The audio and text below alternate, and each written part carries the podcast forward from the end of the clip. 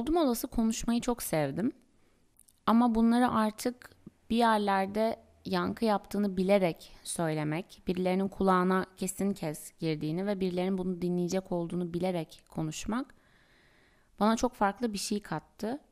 O da konuşmadığım anlarda bile çok kayda değer şeyler yaşamak ve hikayeleri anlamlandırmak. Süslü cümlelerden ziyade sade sözlerle belki çok süslü şeyleri anlatabiliyor olmak. Kısacası iyi bir hikaye anlatıcısı olmak. O yüzden bir buçuk aylık bu sessizlik sürecinde belki somut olarak bir bölümü karşınıza çıkartamadım ama gerçekten anlatmaya değer şeyler olması için çokça çalıştığım bir dönemdi. O yüzden bir buçuk ay sonra da olsa bu mikrofonun tekrardan karşısına geçebilmenin verdiği haklı gurur içerisindeyim. Uzun süredir böyle uğruna çok çabaladığım şeylerden bir tanesi gerçekleşti ve bunu sizinle paylaşmak için gerçekten çok hevesle, çok heyecanla ve biraz da böyle korkuyla bekliyordum. Çünkü söyleyecek o kadar fazla şeyin arkasından geleceğini biliyordum ki sanki böyle bir kere ağzımı açarsam bir daha susmayacağım ve iki sene önce ilk defa İstanbul'daki evinde böyle yalnız başına odasında otururken bilgisayara seslenen bir kız olduğum, o böyle haftada 2-3 bölüm attığım ve hani birileri dinlemese de olur benim artık bu sözleri, bu hisleri bir şekilde somutlaştırmam gerek dediğim o hale sanki geri dönmek üzereyim.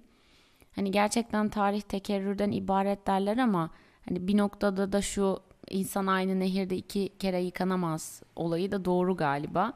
Tarih tekerrürden ibaret ediyor. Benim anlatacağım şeyler birikiyor ve muhtemelen böyle hiç susmayacağım. Tekrar tekrar üst üste peş peşe belki bir önceki çok dinlenmeden bir sonrakini atacağım. Çok üreteceğim bir döneme giriyorum ama hani ben aynı insan mıyım? Ya da aynı yolu geçmek bana hala aynı şeyleri mi sunuyor? O çok tartışılır ama galiba bunun tartışmasını ve nihai sonucunda birlikte vereceğiz. Ben İtalya'ya taşındım. Ee, ve bu benim son bir senedir çok uğraştığım ve sanki böyle hani size demiştim ya nazar diye bir şey yok aslında. Bence sadece çok istediğimiz bir şey gerçekleşmezse başkalarına hayal kırıklığına uğratmaktan dolayı bir korku, bir endişe duyuyoruz diye. Galiba bu yüzden ve benim hayatımı, yaşadıklarımı her ne kadar kendi perspektifinden dinleyip ve kendine uyarlayan dinleyiciler olarak orada olsanız da çok iyi anladığınızı düşünüyorum. O yüzden sanki bu beklentilerimi söylesem ve sonrasında gerçekleşmezse böyle sadece ben değil hepiniz hayal kırıklığına uğrayacakmışsınız gibi hissediyordum. O yüzden bir şeyler gerçekleşene kadar galiba söylememek için böyle kendime bir söz verdim. Ki bu benim de çok yapabildiğim bir şey değildir. Hani böyle deveyi pire yapan bir insanımdır. Bana heyecan veren şeyleri anlattıkça daha da böyle katmerlendiririm. Ama galiba bu sefer böyle artık totem yapmak mı dersiniz? Evrene bir enerji göndermek mi dersiniz? Galiba bu sefer olmadan bunu konuşmaktansa önce oldurmak ve ardından böyle çorap söküğü gibi bana yeni bir maceranın getirdiği şeyleri karşınıza çıkartmak daha çok istedim. O yüzden bu bölümü böyle bir şeyleri anlatmak değil de ben size artık bir şeyler anlatacağım diyebileceğim bir fragman gibi paylaşmak istiyorum. Aslında dün bir bölüm kaydettim. Böyle sesimden bile hani o heyecanımı, o böyle paylaşmaya dair duyduğum o keyfi böyle ya ben İtalya'dayım ve hani sonunda bunu sizinle paylaşabiliyorum. Heyecanımı gerçekten hissedebileceğiniz bir bölümde ama biraz teknik aksaklıklara kurban gitti. Ama Galiba böylesi daha iyi oldu. Çünkü şu an burada saat 12'yi geçiyor gece.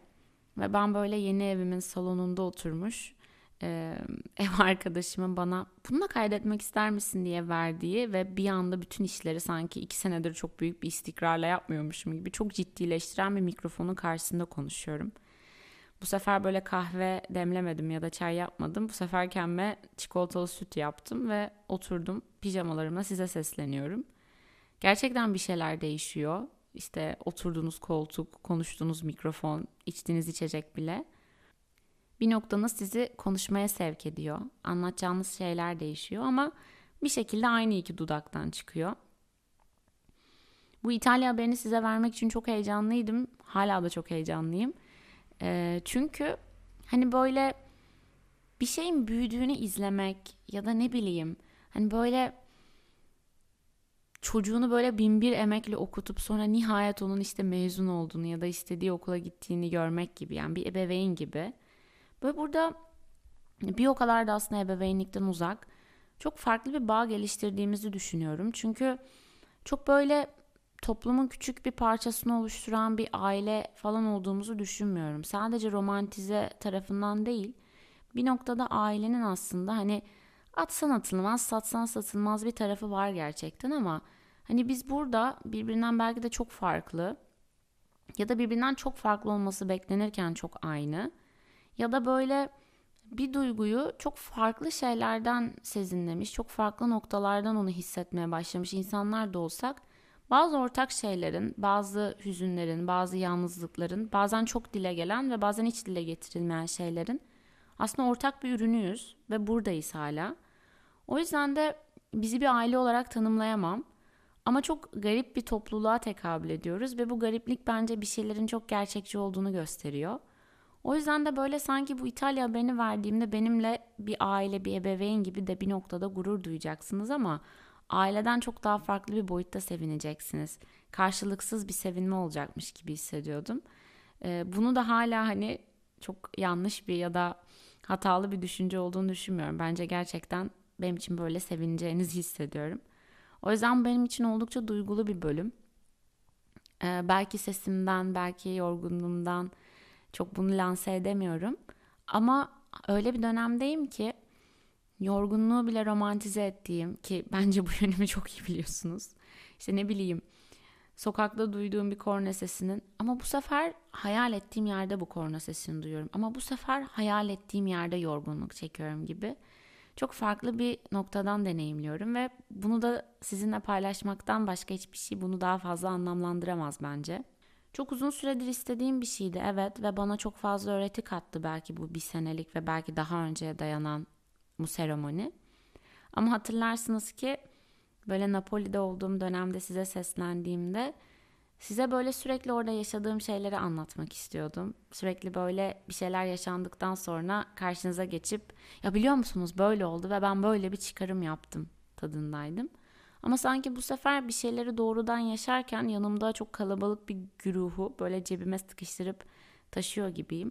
O yüzden de sanki bunu bir noktada da böyle Sen O Kız Değil bir ikinci sezonu gibi falan görmeye başladım. Çünkü sanki çok farklı bir kapı aralanıyor gibi. Ve hani bazen böyle senaristler çok farklı bir senaryoyla yola çıkar. Bir şekilde o dizi tutar ama tutanın böyle senaryo olmadığını, daha farklı şeyler olduğunu bildikleri için hiç böyle yola çıkarken akıllarında olmayan bir noktaya saparlar ama bir şekilde hani işte bir dikkat çekmeye, işte dinlenmeye, izlenmeye, konuşulmaya falan bir şekilde erişirler. Sanki böyle bu yola çıkış neydi, nasıldı? E, sonuçta tamam bir ayrılıkla ben konuşmaya başladım da hayatım boyunca ayrılık mı konuşacağım vesaire dediğim. Ama böyle dönüp dolaşıp sanki bir noktada belli bir senaryoya çünkü kendi hayatımın çok fazla sınırlarından çıkmadığım için o hayatın bana sunduğu bir senaryoya bağlı kalmak durumundaydım.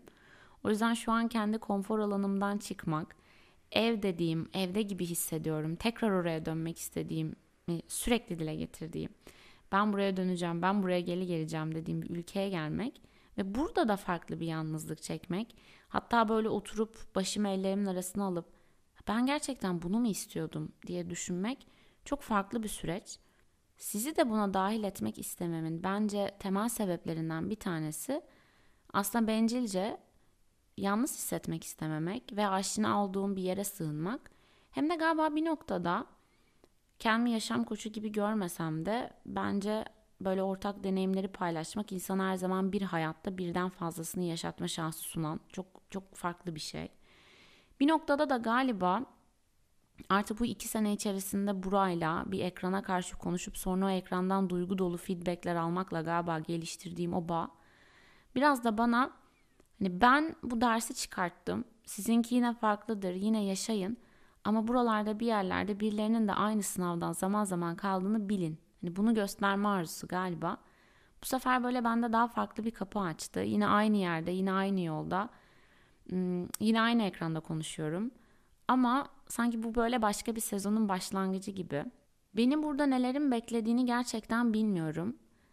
Ama bu bilinmezlik bir noktada sırtını nihayet benim aldığım bir kararın sonucunda buradayıma dayandırdığı için çok da böyle garip bir heyecan doğuruyor.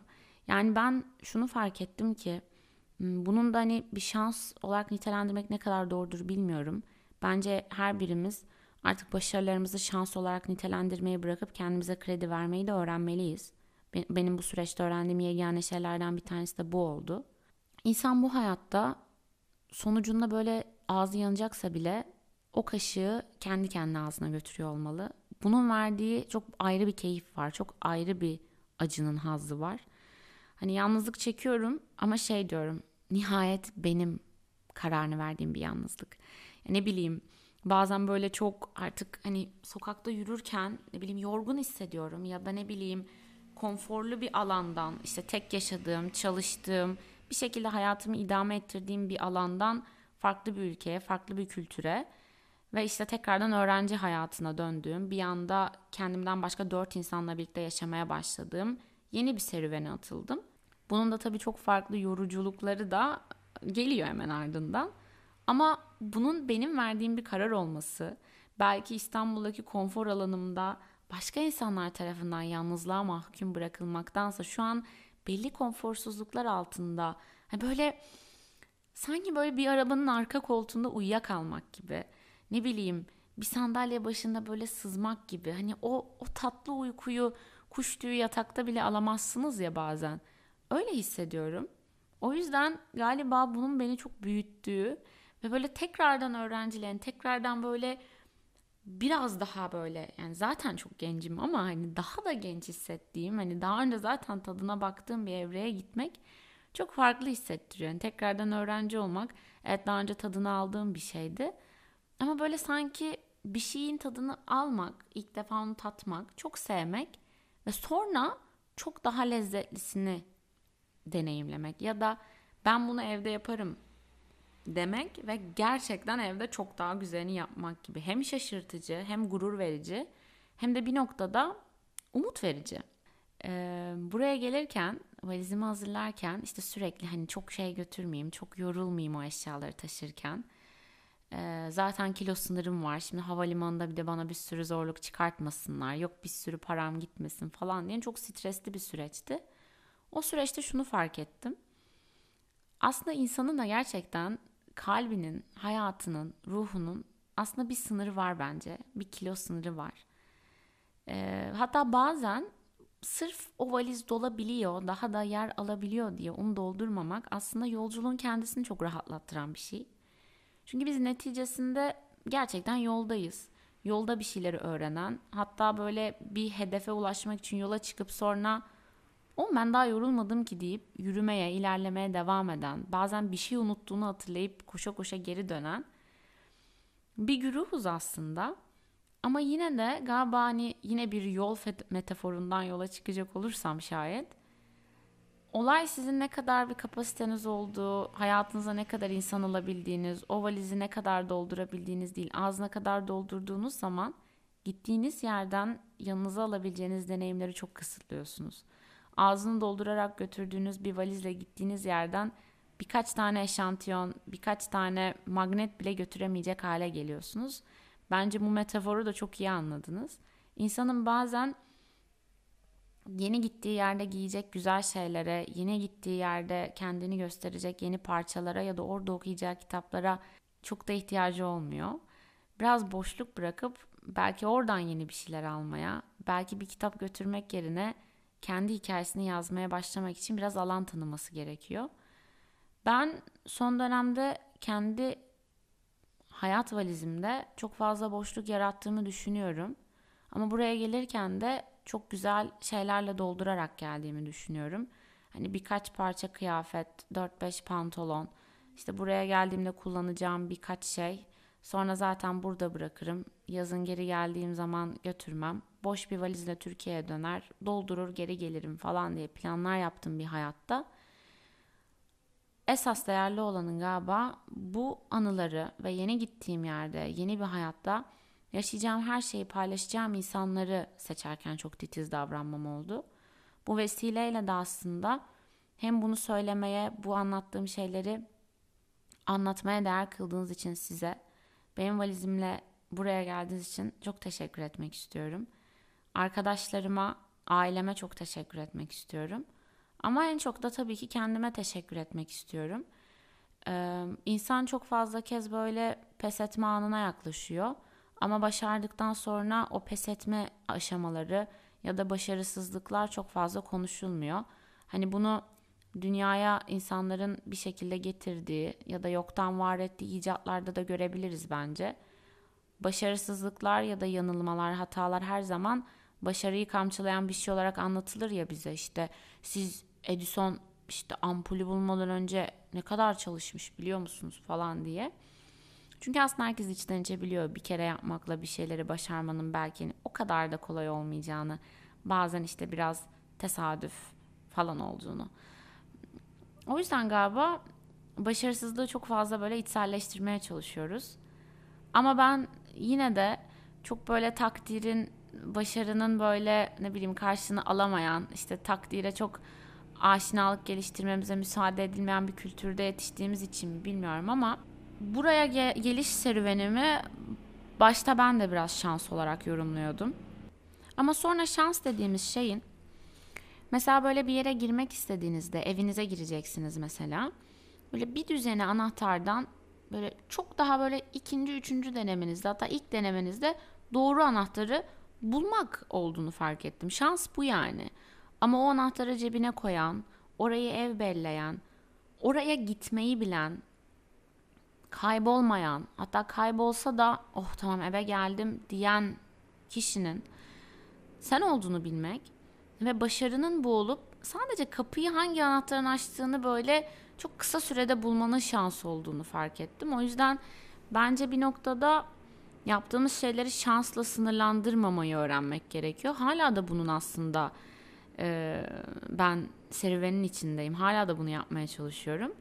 Çünkü hani hala daha acaba insanlar çok mu böbürlendiğimi düşünür falan diyen bir tarafım var. Ama böbürleniyorum yani. Ben bir hayali gerçekleştirdim. Ben bir Temmuz günü 2020'nin Temmuz'unda danışmanımdan gelen telefonla üniversitede Simay Erasmus sınavına girmiştin sen ve Napoli'ye gidiyorsun kabul edersen demesiyle tamam demem ardından her şeyi toplamam her şeyin böyle hani orada belki biraz artık varsa kader denilen şey belki devreye giriyor.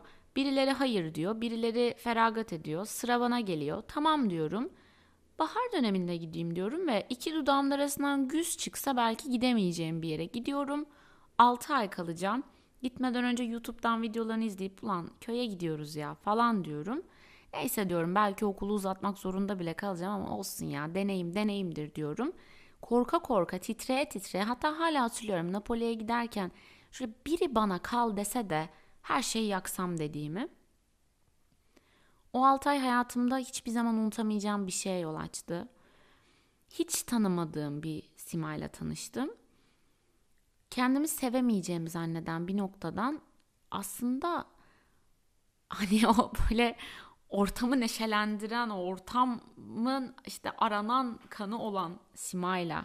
Burada ortam benim hayatım oluyor. Onunla tanışamadığımı fark ettim henüz. Sen böyle bir türlü denkleşememiştik. Bir gün karşılaştık ve benim için yaşamak o an bir partiye dönüştü. Ve sonra dedim ki yani ben buraya geri döneceğim. Ve ben burada yaşayacağım. Çünkü büyüdüğüm yerde bile zaman zaman kendimi çok evde hissetmiyordum. Benim ikinci, üçüncü bölümümde falandı galiba bu. Kendini bir türlü ait hissetmemekle ilgili.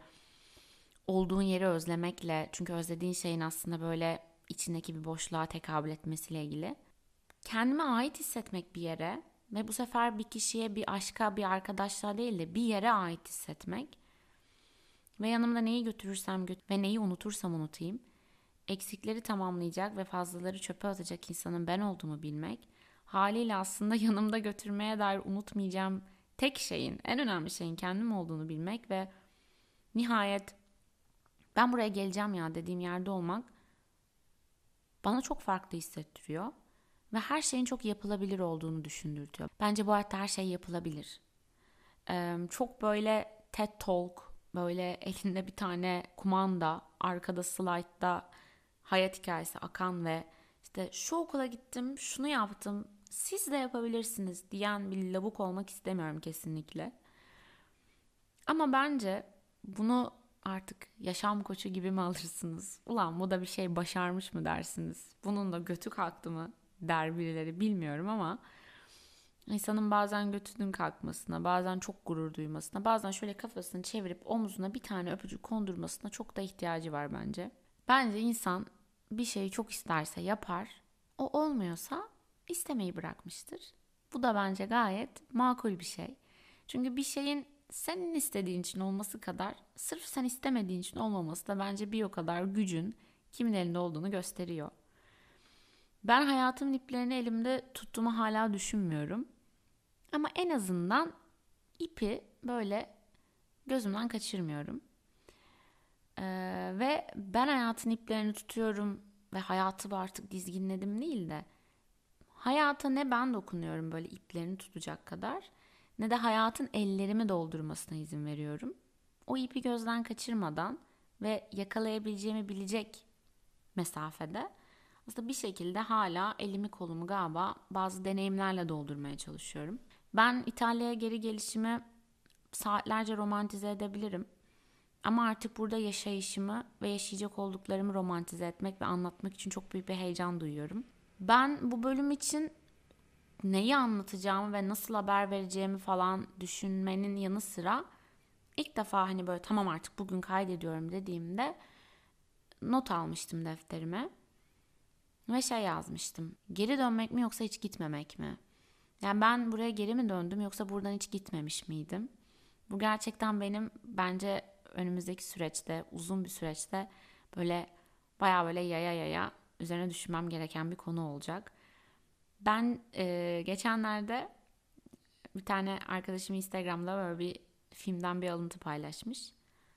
Hiç gitmediğin, hiç bulunmadığın bir yere bile ait olabilirsin bu dünyada diye. Bir buçuk sene önce biri bana deseydi ki İtalya'da yaşayacaksın sen sakin ol. İnanmazdım. Ben uçağa adımımı attığım anda bile hala bir şeylerin inanılmazlığı içerisindeydim. Hala bir şeyler rast gitmeyecek ve hayallerim ayağımın altından kayıp gidecek gibiydi. Ama fark ettim ki hayallerimizi altına ayaklarımızın altına koymuyoruz ki kayıp gitsin ya da ayağımızı kaydırsın. Sadece ilerleyeceğimiz yolda bize bir şekilde yön çizmelerini sağlıyoruz. Yani hiçbir zaman aslında hayallerimiz elimizde, ayağımızın altında ya da bizi kaydırabilecek bir noktada olmuyor. Bize çelme çakmıyor aslında. Zaten tam olarak yönümüzü belirleyen şeyler. Hala daha bunu fark etme aşamasındayım. Ama böyle bir noktamda yeni doğmuş gibi. Hani yürüyorum mesela. Yine kaygılar, yine insani duygular, yine ihtiyaçlar bir şekilde kendilerini anımsatmaktan geri durmuyorlar ama hepsini farklı bir atmosferde, farklı bir yerde ve nihayet istediğim yerde gerçekleştirmek bana çok büyük bir mutluluk veriyor. Ben hayatta çok fazla ne istediğini çözümlemiş bir insan mıyım bu tartışılır. Ama hiçbir şeyi bu kadar yoğun istememiştim. Bu konuda gerçekten çok eminim. O yüzden bunu gerçekleştirmek bana kendi hayatıma dair çok büyük umutlar veriyor. Ve bu umudu henüz kendisinde belki görmeyen insanlara da bir yerlerde bunun olduğunu hatırlatmaya dair kendimi çok borçlu hissediyorum. Böyle genelde yolda yürüdüğünüzde işte ağaçlara, kuşlara, ne bileyim yapılmış çok güzel bir eve böyle bakıp iç geçirdiğinizde ya da olgunlaşmış bir meyveyi dalından koparttığınızda aslında onu sadece bir saniyeliğine kopartmak, bir saniyeliğine görmek, şöyle bir o çiçeğin kokusunu içinize çekmek çok anlık bir şey de olsa aslında bir süreci içinize çekiyorsunuz.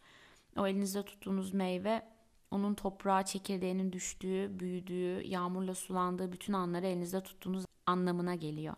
O yüzden bu noktada hala belli bir yere erişmediğinizi, ulaşmadığınızı ya da belli bir olgunluk seviyesine ulaşmak istediğiniz, olmak istediğiniz konuma hala gelmediğinizi düşünüyorsanız bu sürecin içinde olabildiğiniz ihtimalini bence göz ardı etmeniz anlamına gelmiyor. Göz ardı etmemeliyiz bence bunu.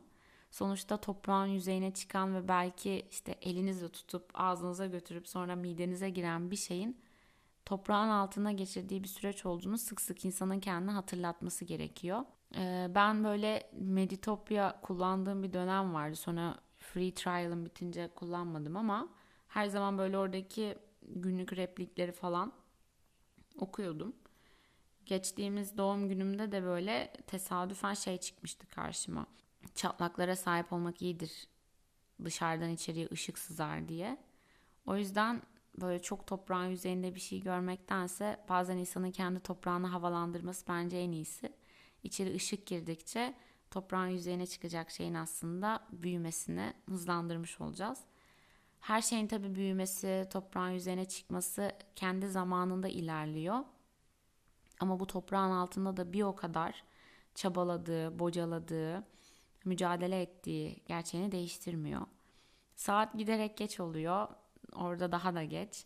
Aramızda bir saatlik bir mesafe var ama bence sözler yine bir şekilde bizi birbirimize bağlayacak. Çok güzel bir yolculuğa çıktığımızı düşünüyorum birlikte. Ben sen o kız değil misindense böyle ben bu kız mıyım dediğim bir evreye geçtiğim için belki de bunu bir ikinci sezon, bir yeni başlangıç olarak adlandırıyorum ama hep birlikte ikinci yaşımıza bu kadar yaklaşmışken böyle bunu yeni bir yerde kutlayacak olmak beni hem gururlandırıyor hem de sizi de gururlandıracağını biliyorum. Ben konuşarak, siz de dinleyerek buraya kadar geldik. Umarım İtalya'yı siz de benim kadar seversiniz. Çünkü bundan sonra hep birlikte burada yaşayacakmışız gibi geliyor. Hani böyle çok klişe bir söz vardır ya haberler falan biterken işte böyle televizyon şovları biterken söylerdi spikerler işte. Her nerede yaşıyor ve yaşatılıyorsanız diye. Her nerede yaşıyorsunuz gerçekten bilmiyorum. Çok farklı yerlerde olduğunuzu tahmin edebiliyorum. Ama bir yerlerde benimle İtalya'nın kuzeyinde yaşatıldığınıza dair hiç şüpheniz olmasın. Umutsuzluğa alışmayın, yatağa küs girmeyin. Söz veriyorum çok yakında tekrardan görüşeceğiz. Kendinize çok iyi bakın.